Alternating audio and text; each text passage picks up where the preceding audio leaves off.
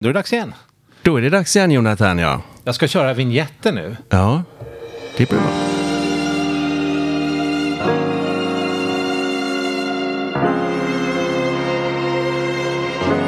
Hotellpodden med Hans och Jonathan.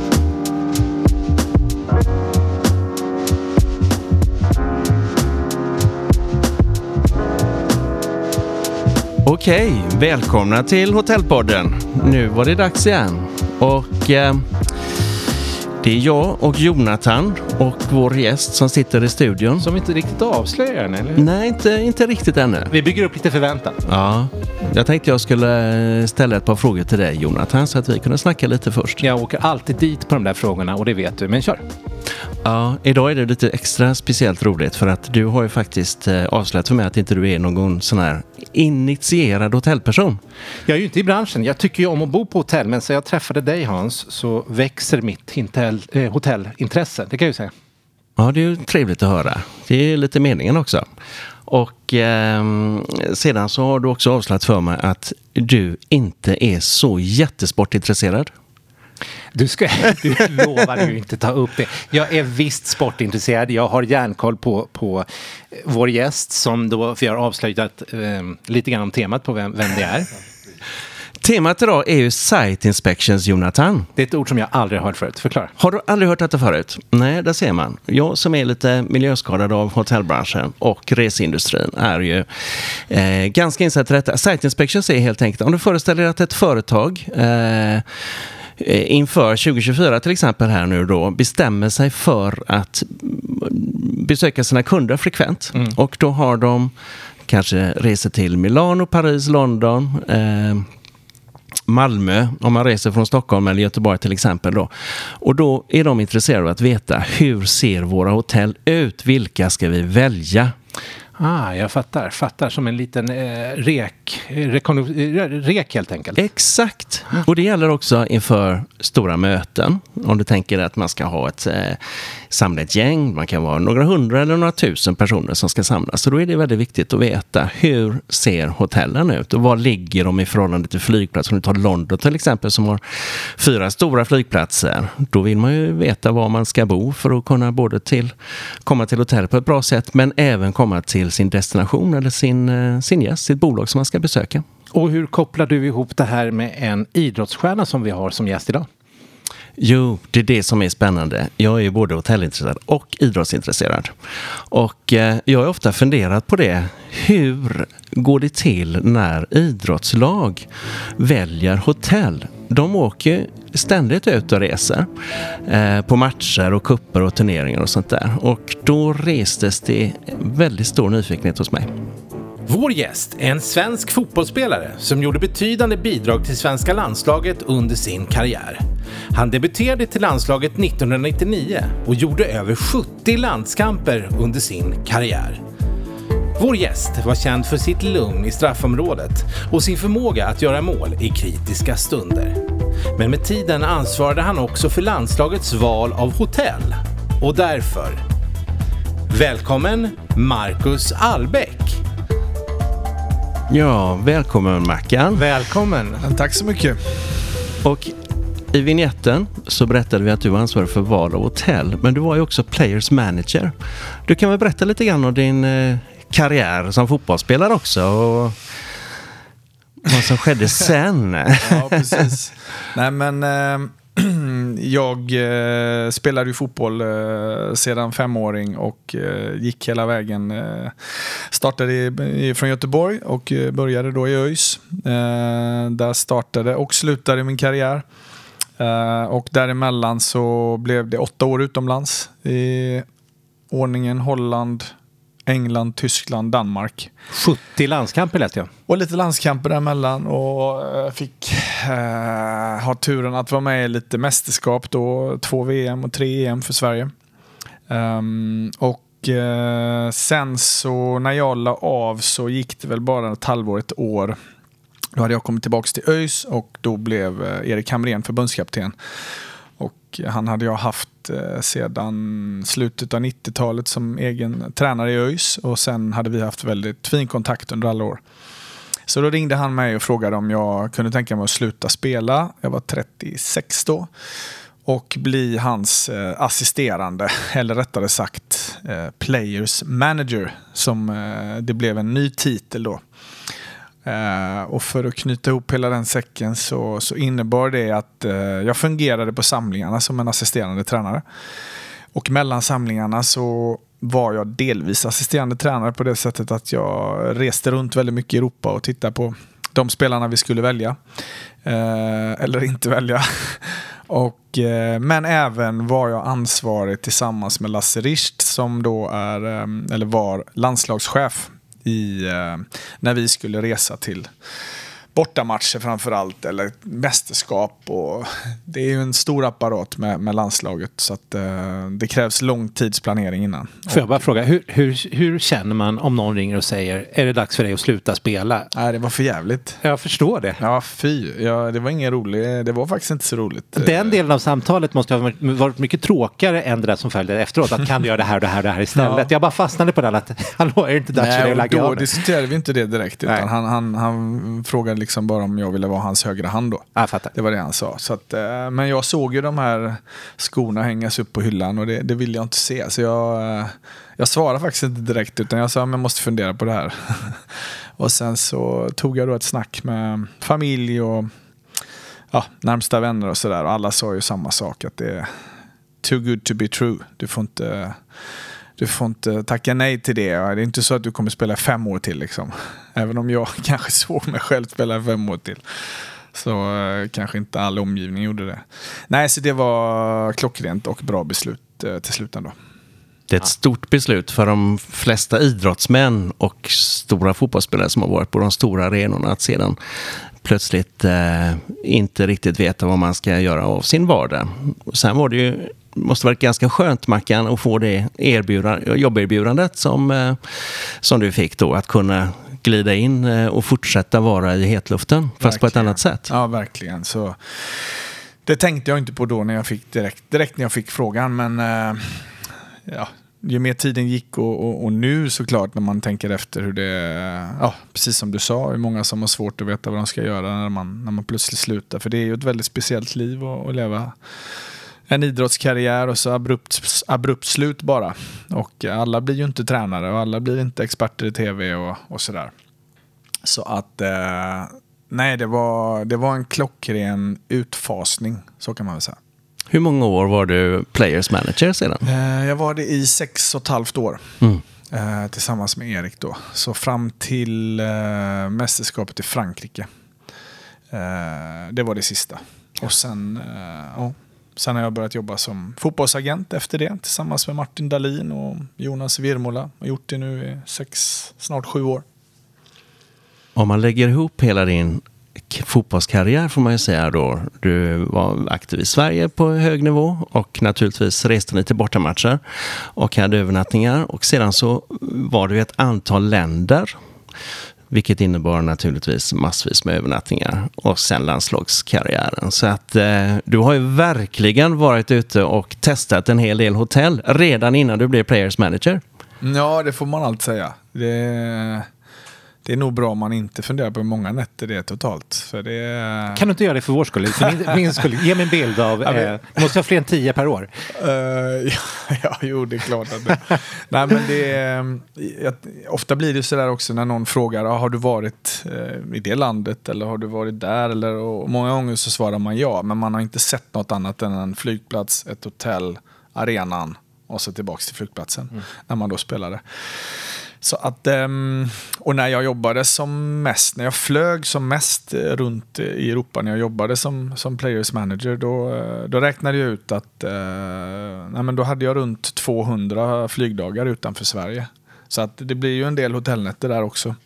Um, ja, jag tänker på, du sa att du skulle bolla det här med familjen. Hur bollar man det? Att, ja, det, just den grejen bollar jag inte. Nej. För, eh, och den, det blev ju också så att det, det, det, ökade och ökade och ökade, så kan man väl säga.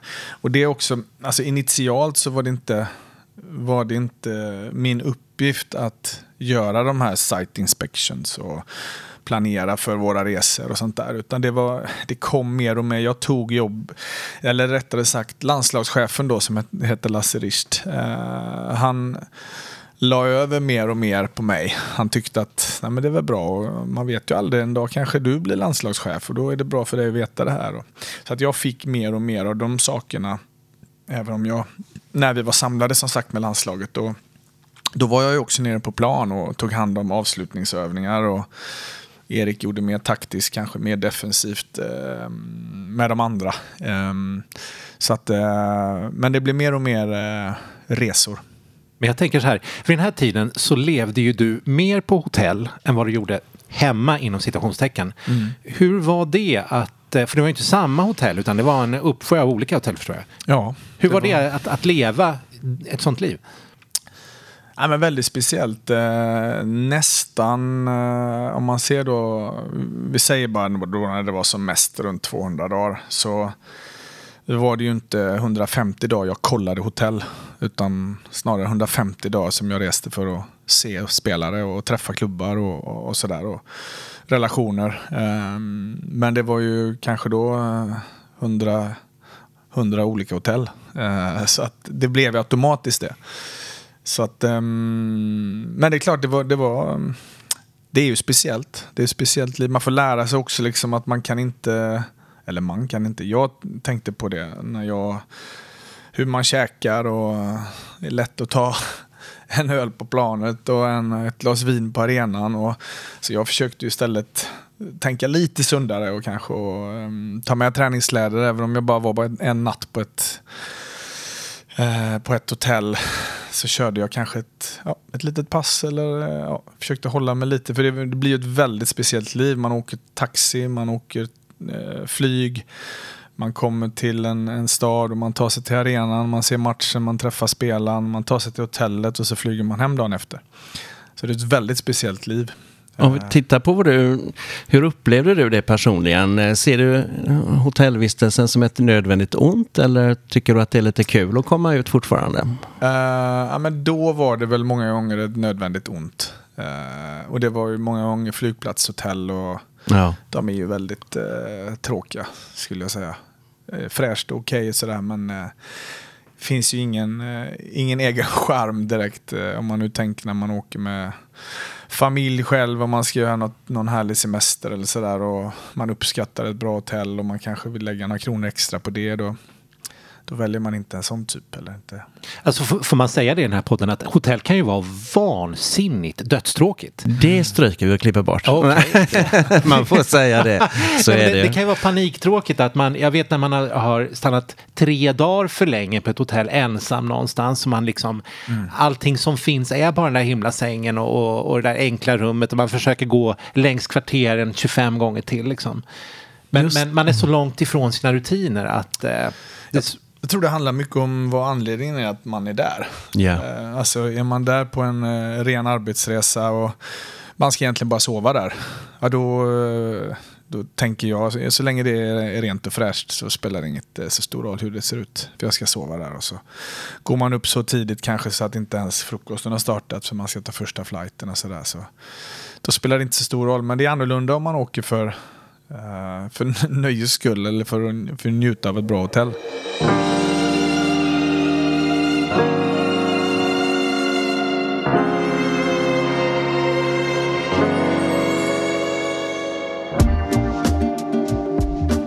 Man kan ju tänka tvärtom också att jag har 200 hotellnätter per år. Då, ska jag, då vill jag ha standard. Alltså då vill jag ha, så kan man också tänka. Ofta ska ju någon betala också. Då blir det lite paritet. Eh, nu skakar Hans på huvudet. Typ. I mitt fall var det landslagschefen som sa att nej men det går inte. Så att, uh, nej men i, i, mitt fall där så, så var det verkligen så att det Många gånger då när jag besökt hotell för att se om de ja, passade oss i landslaget eller var tillräckligt bra eller tillräckligt stora. Ibland var det ju så att vi hyrde ett helt hotell för vi kom så många. Uh, och sen var det liksom, det var säkerhetsaspekter. Eh, vi hade Zlatan med som var en, och är en världsstjärna. Eh, då var det lite olika upplägg eh, hur vi skulle spärra av där bussen kom. Och, ja, det är mycket större apparat än vad man kan tänka sig. Jag tänker mig som så här, det, den erfarenheten du eh, hade under din karriär och tog med in i landslaget, den måste varit eh, fantastisk. För att det är inte alla spelare som har samma erfarenhet av hotell och det kommer ju nya spelare in i landslagstruppen och sådär också. Men jag tänkte om vi börjar med att du berättar lite grann om processen. Hur många är ni som reser? Ni är 25 spelare, 22-25 spelare. Mm. Och utöver det, hur ser gänget minst ut? lika många ledare. Det är minst lika att, många eh, ledare. I Ja. runda slängar eh, ja, men 50, 50, 60 rum kanske som krävs. Och på många ställen då kommer man till eh, ett litet hotell i Bukarest så kanske det inte fanns så många hotell att välja på och då, då tog man hela hotellet. Så kanske hade 60-70 rum för man vill inte ha fem andra. Och då kan det vara någon som ska in och störa oss eller det kan vara journalist, inhemska journalister eller svenska journalister som lyckats ta de rummen. Och, ehm, nej, då ville vi vara mera private. Men ibland var ju 150 rum på, på ett hotell. Då kunde vi inte ta hela hotellet. Det blev alldeles för dyrt. Hur ser den processen ut? Ehm, För i Bukarest, om vi tar det som exempel, där har du ju säkerligen en 50-100 hotell som skulle kunna vara tillgängliga för er då. Hur gör ni första urvalet? Eller får ni liksom från hemmalaget en, ett antal hotell att välja på? Ja, eh, precis så är det. Vi får, vi får förslag från deras förbund. Eh, här brukar ofta lag bo eh, och då brukar vi titta på om de kanske har mött större nationer, inte bara om de mötte San Marino och de valde det utan några som kanske har lite högre standard då. Ehm, men om det då finns, vi leker med tanken att det finns 50 bra hotell där, eh, så kanske bara det finns fem stycken som ligger lägligt i förhållande till flygplats och förhållande till arenan. Och förhoppningsvis så finns, mm, ja, eller säg att det finns tio då. Och förhoppningsvis finns fem på förslag från deras förbund att det här brukar lag bo. Och så kollar man upp dem eh, hemifrån och sen så eh, till slut så bestämmer man sig för ett eller man kanske vill titta på två. Och då så ja, flög jag dit. Och då försökte jag kombinera det med att jag kanske var och såg. Nu har vi inte så många spelare i, i den ligan men Samtidigt som jag åkte till något närliggande land kanske så tog jag en natt där och så kollade jag det hotellet och så gick jag igenom med hotellchefen och ja, här kan vi göra så, här kan vi göra si, ja, okej, men kan, kan ni inte göra så, ja, okej, då kanske det försvann och så. Då blev det det andra liksom. Men vad kollar du på konkret? Har du typ en checklista med dig? Eller hur, Ja, hur mer eller mindre. Mm. Mer eller mindre. Hur ser den ut? Ja, såg får man ju säga då. Det är sju år sedan. De, de har säkert uppdaterat de listorna. Men, eh, nej, men det är egentligen så att det eh, så att det finns kanske en eller max två våningar där vi alla är samlade. För ofta så har vi egna våningsplan. För vi har någonstans där vi har kit room, där all material och där går ju killarna fram och tillbaka hela tiden och lämnar tvätt och hämtar nytt och, och så vidare. Och då ska det ligga ja, hyfsat bra i anslutning. Man ska ha ett konferensrum bra i anslutning. Man ska ha en matsal bra i anslutning. Ehm, och man ska ändå vara lite private. Um, så att ja, men det är många, många små aspekter och så lägger man ihop det så, ja, men så, blir, det ganska, så blir det inte så konstigt egentligen. Så när, man, när, man, när jag nu berättar det så tycker alla herregud, det är väl bara att bo på ett rum eller? Ja, men det, det är det ju. Men eh, vi, är ju, vi ska också ha 50 rum. Uh, och mitt emellan där så, så ska det ligga liksom kitroom och massagerum och ja, allt ska ligga hyfsat eh, smidigt. Såg det annorlunda ut när du tittade på hotell för enskilda matcher om du jämför med längre turneringar? För Ja. Du kan väl berätta hur länge ligger ni ute på turneringar egentligen? Eh, Ja, För ni var ju med. Mm, ja, men turneringar, eh, det är ju någonstans mellan tre och fem veckor kanske. eh, Som, som normalt sett. Och då är det ju lite, eller inte lite, då är det väldigt annorlunda mot om man sover en natt i Bukarest som vi pratade om. Mm. På vilket sätt då? Ja, det är ju precis som jag tror ni tänker själva. Om ni ska resa eh, till ett ställe och bo en natt eller två så kan ni tänka er att ja, men det och det, det är det viktigaste. Men ska du bo där i fyra veckor då har du lite andra boxar att ticka i där liksom som, ja men då måste det finnas det och, och det, det bör ju finnas det och det ska vara bra och, och så vidare och så vidare. Så att, och precis på samma sätt är det här.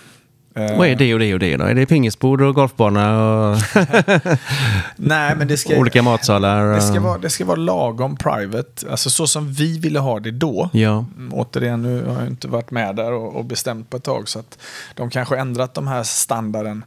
Men eh, då kände vi att nej, men vi vill inte ligga för isolerat. Vi ska inte ligga i en skog där det inte finns någonting annat. Eh, vi ska heller inte ligga mitt i stan där det är mycket som stör och det kanske är ja, ambulanser och poliser som kommer mitt i natten och så vidare. Ehm, utan gärna någonstans mitt emellan där. Det ska finnas någonting att göra på hotellet eller i området. Det Måste inte finnas en golfbana men det är lite sådana saker. Eh, det kanske finns en liten tennisbana eller det kanske finns en pool eller det kanske...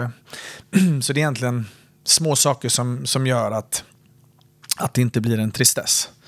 Sen är det ju i 95% av gångerna så handlar det ju om ett resultat. Eh, presterar man så kan man nästan bo vad fan som helst. Rullar allting på, man vinner match efter match efter match, då är det ingen som säger fan vad dåligt hotellet är.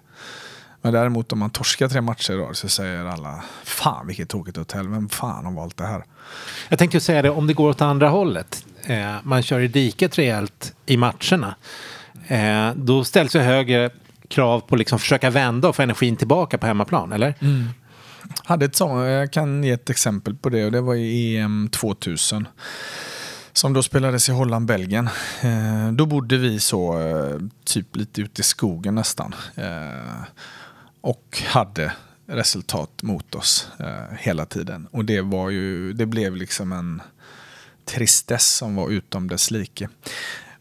Och då kan jag inte säga att det blev det för mig, för det var mitt första mästerskap. Så för mig var det sådär att jag fick vara med i landslaget på ett EM och jag kom in liksom som sista man. Jag, jag, jag låg på moln hela den vistelsen. Men för de andra, så, och framförallt för de då som spelar hela tiden, eh, för dem blev det ohållbart att eh, inte ha någonting i sin närhet förutom skog. Eh, vi såg ju knappt en människa liksom där inne. Men eh, vi var, vi var ju, man, man, man är ju lite i olika faser också som spelare och som människa och så vidare. Så att, ehm, det kan jag tänka mig en erfarenhet som du kunde ta med dig som ledare sedan. Mm, verkligen, verkligen. Och jag fick ju uppleva då mästerskap 02, 04, 06 och 08 också.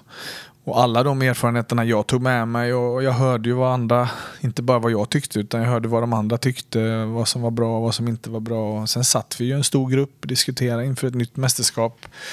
Vad som är viktigt att tänka på och vad som kanske inte är så viktigt. Och sen är det ju alltid så här med att i landslaget så, så är det så att inför ett mästerskap då är det då får man en stor, är det ett EM till exempel, då är det Uefa som eh, arrangerar det. Och då får man ett, ett och ett halvt år innan så kommer det en, en jättekatalog liksom. Här finns hotellen i eh, det landet som då hostar eh, EM. Och så är det kopplat den här träningsanläggningen till det här hotellet. För det måste ju alltid finnas något nära eftersom man alltid man tränar varje dag inför sina matcher. Och kanske man hittar eh, nej men, tio stycken ställen. Och så åker man eh, ett gäng. Jag var en av dem eh, som åkte dit i en vecka.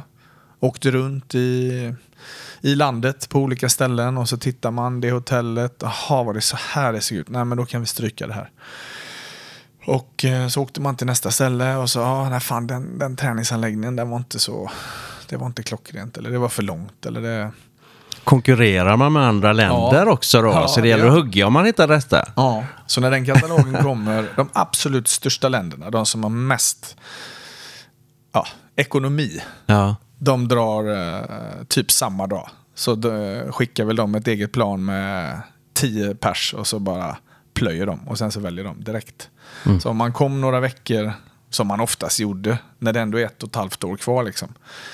Eh, eller två månader efter så ja, det är taget. det. Och då får inte Uefa säga vem som har tagit. Men då förstår man nästan alltid. Om de är riktigt bra hotell så ja, då är det Tyskland och Frankrike och England och de här stora. Det är ju lite roligt där. För jag tänker med Italien, var det de alltid sådana här snygga hotell, designhotell och grejer? Och i Tyskland, du vet, var det ni någon speciell typ av hotell? Nej, eller? det gjorde vi inte. Utan vi, vi försökte hitta det som eh, tickade våra boxar så att säga.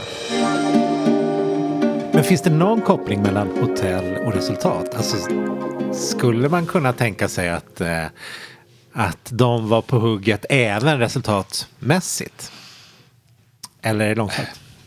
Nej, men det är nog långsökt. Alltså, eh, det är ju också så, de här hotellen som finns i den här katalogen, det är inte många där som är liksom dåliga. De föreslår inte det, utan de har gjort, Uefa har gjort sin, eller Fifa då om det är VM, har gjort sin research innan och eh, kommit fram till ett stort gäng. Det är väl gjort ett år innan antar jag, innan vi får det. Vilket innebär ja, minst två år innan då mästerskapet är. Och, eh, så att, eh, det är inte så att är man bland de sista så, så, får man ett pensionat i utkanten av stan, utan det är bättre än så. Vad jag tänker med Mackan, det är ju som du nämnde innan då, maten är ju en väldigt viktig faktor där. Hur ser den processen ut när ni ska ligga borta i tre veckor till exempel? Ja, men den processen ser ut som så att vi har ju en egen kock Um, ja, jag vet inte om de har två idag kanske. Mm. Så nu, ni rider helt och hållet och hotellets egna eh, Nej, kockar? I, nej, i, i kombination. Ja, okay. Så att, eh, det är ju så, man kan inte ta över ett fullständigt hotellkök utan då ska man ju vara 20 pers antar jag. Så att eh, det blir en kombination med köksansvarig på hotellet och våran kock. Och ehm, det var ju så ehm, att eh, när vår kock kom dit första gången så satte han sig ett möte med deras kock och så gick de igenom. Och sen inför mästerskapet då var han där några dagar innan och då åkte han ut på eh, grönsakshandel tillsammans med den kocken och sa att Nej, men det där vill vi inte ha, men det vill vi ha, det vill vi ha, det vill vi ha och så handlades det in och så. Så att det fanns de sakerna som ja, som vi, och sen blev det en kombination. Så ofta så skapar ju vår kock relationer med deras. Som, ja, som jag vet i flera fall har varit liksom, eh, men det har blivit eh, vänskap efter det. För de jobbar ju också väldigt tätt för att se till att allt blir bra för oss.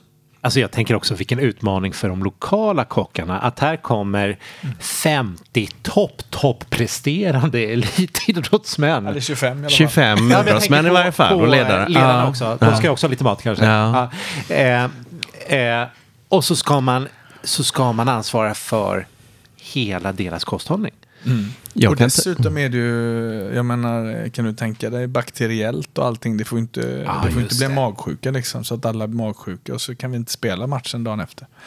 Så det är också extremt viktigt med sådana saker man funderar lite grann på att eh, vill man ha ett landslag eller vill man inte ha ett landslag? Men jag kan tänka mig att eh, de flesta välkomnar en sån trupp som ni. Och... Nej men det är klart att de vill och det, det blir ju också mycket eh, massmedialt kring det och många gånger så kanske man har ett ja, open house någon dag eh, där media får komma och besöka och det är klart att då vill de bli, då blir de ju profilerade. Men så. tillbaka till maten. Hur, vad, vad äter man då? Hur ser menyn ut? Nej, men den ser inte egentligen så, så himla, vad ska man säga, den ser ganska normal ut. Alltså det, vad som är viktigt är ju att det är bra, bra råvaror såklart. Att det finns en varierad kost där det finns allting. Det finns kött, fisk och, och fågel antar jag. Och sallader och väldigt mycket nyttigt såklart. Eh, I, I form av grönsaker och bär och allt annat. Som, eh, så det är väl inte så himla mycket bara gräddsåser och grejer utan det är det finns det också såklart. Men, eh, och sen är det ju så, de killarna, när de är uppe i den, på den nivån så är det ju inte absolut sämsta tänkbara att ta lite gräddsås ibland. De springer ju av det på en kvart liksom. Så att, det är värre nu när man är 50 bast så får man tänka på det. Men, men hur, eh, hur, hur är de individuella kraven? Är det så här att det kommer en kravlista med 25 stycken helt? Nej, absolut inte. Nej, Nej så är det inte. Utan det, det är ju, jag menar, man, man får inte glömma också att det är... I stort sett alla är ju där att de är så glada att representera Sverige. Och det som serveras, det käkar man. Och det är ju alltid bra. Liksom. Så det är inte så att... Sen kan det ju vara någon gång att nej, det, det var någonting som inte fanns på frukosten. Eh, och så är det jättemånga som tycker samma och då kanske de droppade det till mig. Och så pratade jag med kocken, kan vi inte kolla om det går att lösa det där? Uh, jo, jo, självklart, så, så, så fixades det. Jag kan tänka mig att er kock också var med utifrån ett hygienperspektiv. Att se till Såklart. så att allting var Verkligen. Eh, rent och fint och sköttes ordentligt. Men när, när, man firar då? Alltså det har gått bra. Man kommer hem och är superglad och ska liksom ta en öl tillsammans. Eller hur, hur, hur ser det ut då? Menar du efter en match? Eller? Ja. Nej, men det beror ju på vad man är i, om det är med en match som man är iväg och spelar, om det är ett mästerskap. Är det ett mästerskap och man har vunnit, ja då sitter vi inte och dricker bärs. Såklart, för då är det liksom förberedelse för nästa match som är om tre dagar. Eh, däremot om det har varit en viktig kvalmatch och om man har vunnit den, eh, ja men då kan man väl, de som vill, ta en öl till maten eller sådär. Eh, det är, också, det är också väldigt försiktigt med alkoholen, vilket är, vilket är bra såklart. Um, det var inte meningen att föreslå just öl. Jag kanske nej, skulle prata om nej, tomater men, istället. Men det är fine. Jag menar, en kille som är 32 år och vill ha ett eh, glas vin till pastan eh, efter en oerhört viktig seger eh, i en kvalmatch och ska inte spela match på en vecka så är det ju inget konstigt. Men kanske en 20-åring som är där för första gången, han tar inte ett glas vin antagligen. Det hade inte jag gjort i alla fall. Så det är ju lite olika. Det ska inte vara ett fängelse heller. Det får inte, utan det... Jag tänker mig lite så här också, om man tittar på individer. Det är ju ett, en, en stor samling individer såklart, olika mm. åldrar. Mm. Och man har olika önskemål. Um, hur mycket kan man ta hänsyn till det? Om du har fyra, fem spelare som eh, vid senaste samlingen tyckte om att spela biljard till exempel, eller kasta dart eller, mm. eller något sådant. Tar man hänsyn till det? Har ni någon feedback ifrån spelarna och hur går den till i så fall? Hur mycket mm. får de vara med och bestämma? Nej, men de får vara med. Ofta är det ju de starka rösterna som, som säger någonting. Det är samma sak där. Det är inte en 20-åring som gör sin andra landskamp som säger fan varför har vi inget pingisbord här? Utan då är man, man är så glad att man får göra sin, vara med i landslaget. Så att, eh, och det, ja, det var precis på samma sätt för, för egen del också när jag kom in i landslaget. Nu var jag inte 20, jag var 26 när jag kom in. Men jag ställde ju inga krav när jag kom utan jag var så glad att bara vara där. Men däremot mm, sista två åren så kunde man ju säga till lite mer. Men det är olika också. Det är, när, de, när samlingen är, alltså med herrlandslaget så är ju samlingen här i Stockholm. När det är vanliga, vanliga landskamper eller kvallandskamper och, och då är de samlade en 8-10 dagar, spelar oftast två landskamper. Och eh, då har man ju en standard på hotellet och då finns det grejer där som, som man alltid brukar ha typ. Men det är annorlunda om man åker iväg fyra veckor till ett VM. Eh, då är det väl bra om det finns lite mer grejer att sysselsätta sig med så att det inte blir en hotelltristess på det sättet i och med att man, man tränar kanske en gång per dag. Eh, men sen är det ganska mycket tid utöver det. Eh, och då är det viktigt att ha någonting annat att tänka på. Liksom, så att... Är det något hotellval du känner att uh, det där skulle jag uh, nog tänkt annorlunda på? Är det någon, någon, någon, som har inträffat eller något annat som du har saknat vid något tillfälle? Eller? Nej, men när jag var med och bestämde så blev det bara bra. Ja, det är klart. Vi pratade om tidigare i karriären nu då. Du ska, fråga, du ska fråga någon annan istället. Men, ja. äh, nej, men som, jag förut, eller som vi pratade om tidigare med mästerskapet i Holland, Belgien, 0-0. Eh, men det vet vi ju då att det, det blev inte bra. Men det hade ju mycket att göra med resultatet också. Mm. Uh, men lärdomen vi tog av det var ju att vi aldrig lägger oss kanske ut i skogen i ett mästerskap helt isolerat. Um, För att, vad var det som hände? Nej men det kan ju bli en, en riktig tristess om du aldrig ser någon annan människa. Du, du ser ingenting, ni förlorar, uh, det finns bara skog utanför, det finns ingenting. Och så satt man på det lilla rummet man hade och så fanns det liksom inte många saker att fördriva tiden med då blev det ju jäkligt tråkigt. Och istället för att man skulle få positiv energi när, det inte, när man inte var på plan så blev det negativt. Um, det är inte lite. så lätt att byta. Förlåt, jag... Nej, nej, det går inte. nej, det, det går inte att byta. ett år ja, visst. Så det, går, det är helt nej. omöjligt att byta när man Säkerligen fullbokat överallt också. Ja, det absolut. går inte. Mm. Vi hade ju när det var Polen-Ukraina Eh, då valde vi ett ställe utanför Kiev eh, och då pratade vi en hel del om det här för det var lite utanför. Men samtidigt fanns det väldigt mycket på området och området var stort och det var fint och det fanns liksom olika saker att fördriva sin tid med. Eh, som gjorde att vi ändå valde det och ja, efter det mästerskapet så kändes det som att ja, men det, var, det var absolut okej. Okay. Men eh, det är inte alltid det är så lätt. Det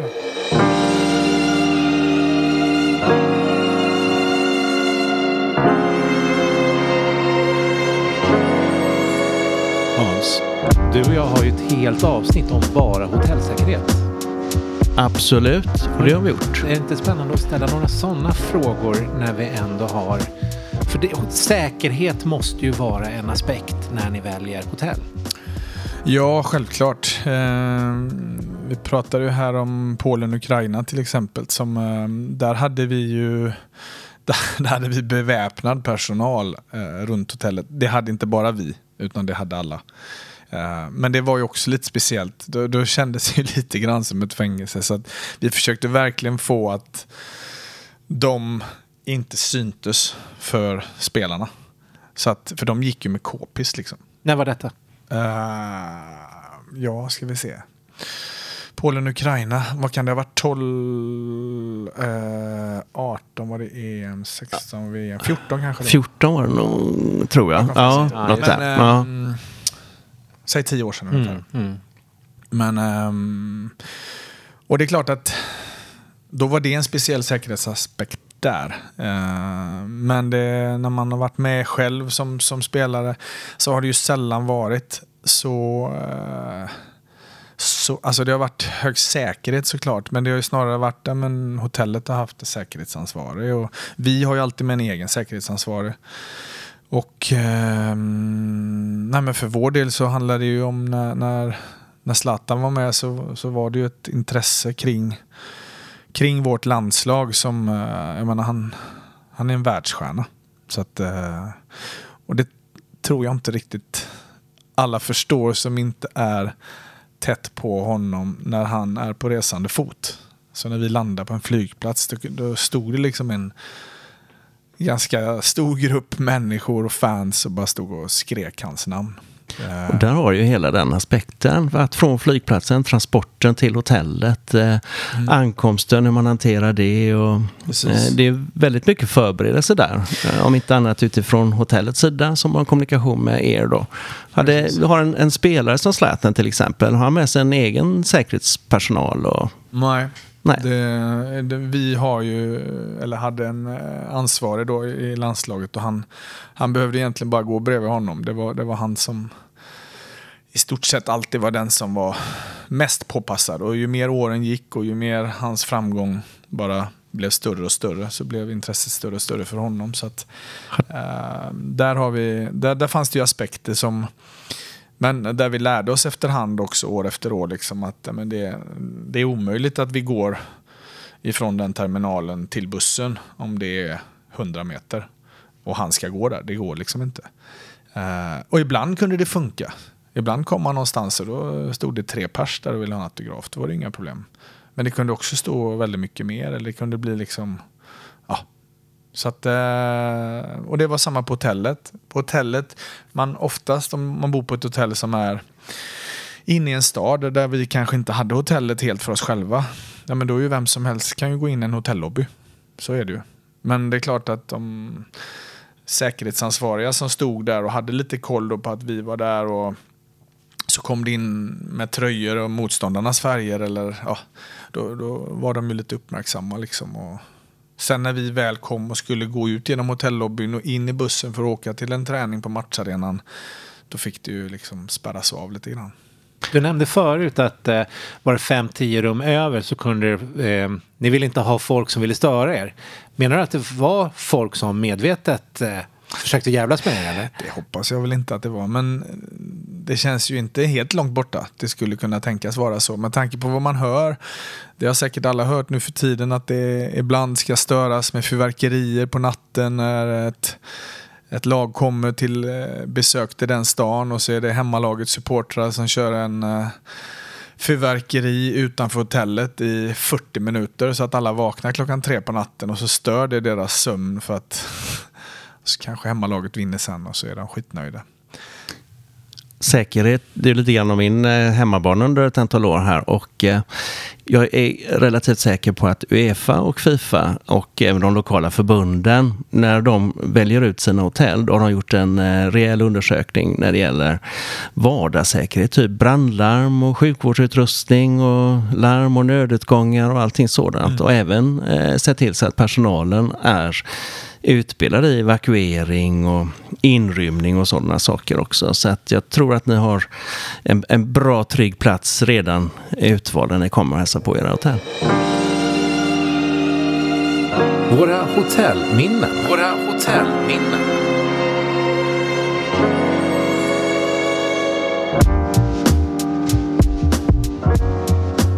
Nej, men då, då kan jag väl istället säga ett eh, hotell som uh, som jag gillar mycket, som jag har kommit tillbaks till flera gånger. Ehm, och det är ett eh, St. Regis hotell i Abu Dhabi. Och, och, det lärde jag faktiskt känna av en... Vi var på... Det finns någonting i landslaget som heter januari-turnén. Där man eh, som landslag tittar på de ja, runt 20 spelare som är utöver den vanliga A-landslagstruppen. Och oftast är det spelare som spelar allsvenskan som är liksom upcoming som kanske kan bli snart A-landslagsspelare. Och då under många år så åkte vi till Abu Dhabi. Eh, då bodde vi inte på det hotellet, men eh, jag tror det var om det var första eller andra året så eh, gjorde vi en kombinerad, eh, min fru och jag. Så hon, när det här lägret var slut så stannade jag kvar så, så kom hon och så var vi, eh, ja, hade vi kanske fem dagar eh, som lite semester. Eh, när landslaget åkte hem. Och då skulle vi hitta något annat hotell. Och då låg det här hotellet inte så långt därifrån. Och så var det en som tipsade om det. En kompis till mig. Och eh, dit har vi kommit tillbaka flera gånger. Eh, väldigt härligt. Ligger, eh, det är lite skillnad på Dubai och Abu Dhabi. Dubai har ju eh, varit många gånger Eh, under tidiga år så kan man säga. Startade faktiskt när jag var där med Aston Villa för Uff, ja, det är 20 år sedan. Eh, och då ser, idag ser det ju helt annorlunda ut. Eh, 20 år senare. Med, det är liksom byggkranar överallt bara. Så att, eh, men Abu Dhabi är lite lugnare och inte riktigt så mycket byggen. Och det här hotellet ligger mer mot havet så att säga. Det är inte, det är inte inne i stan på det sättet. Så att, eh, ja, väldigt trevligt hotell med lite allt möjligt runt omkring. Jag kan förstå ditt val där faktiskt. Speciellt om man är där med sin fru och familj och sådär. För då är Abu Dhabi lite lugnare än Dubai. Och eh, jag gillar faktiskt också St. Regis hotellet där. Mm. Den saken är klar. Sista frågan. Hur många hotell har du checkat in på genom ditt liv? Åh oh, herregud, det kan jag inte svara på. Men... Uh... Man blir, man blir trött bara man tänker på det. Men, eh, Vi är jättetacksamma att du har tagit dig hit. Mm, kul att vara med. Och pratat hotell. Mm. Verkligen. Stort Gamla tack. hotellminnen man fick diskutera här. Ja, Precis. visst. Mm. Hoppas att du får samla på dig lite ytterligare goda hotellminnen framöver. Det. För det är faktiskt mestadels roligt och skönt att bo på hotell. Verkligen. Och Hans, vi är tillbaka om en vecka. Vi är tillbaka om en vecka. Tack så mycket, Mackan. Tack, tack. Hotellpodden med Hans Kanold och Jonathan Kruse produceras av Swedish Frames AB. Temamusiken är gjord av Henrik Lörstad. På swedishframes.se finns också mer information om podden. Nå oss gärna på hotellpodden at swedishframes.se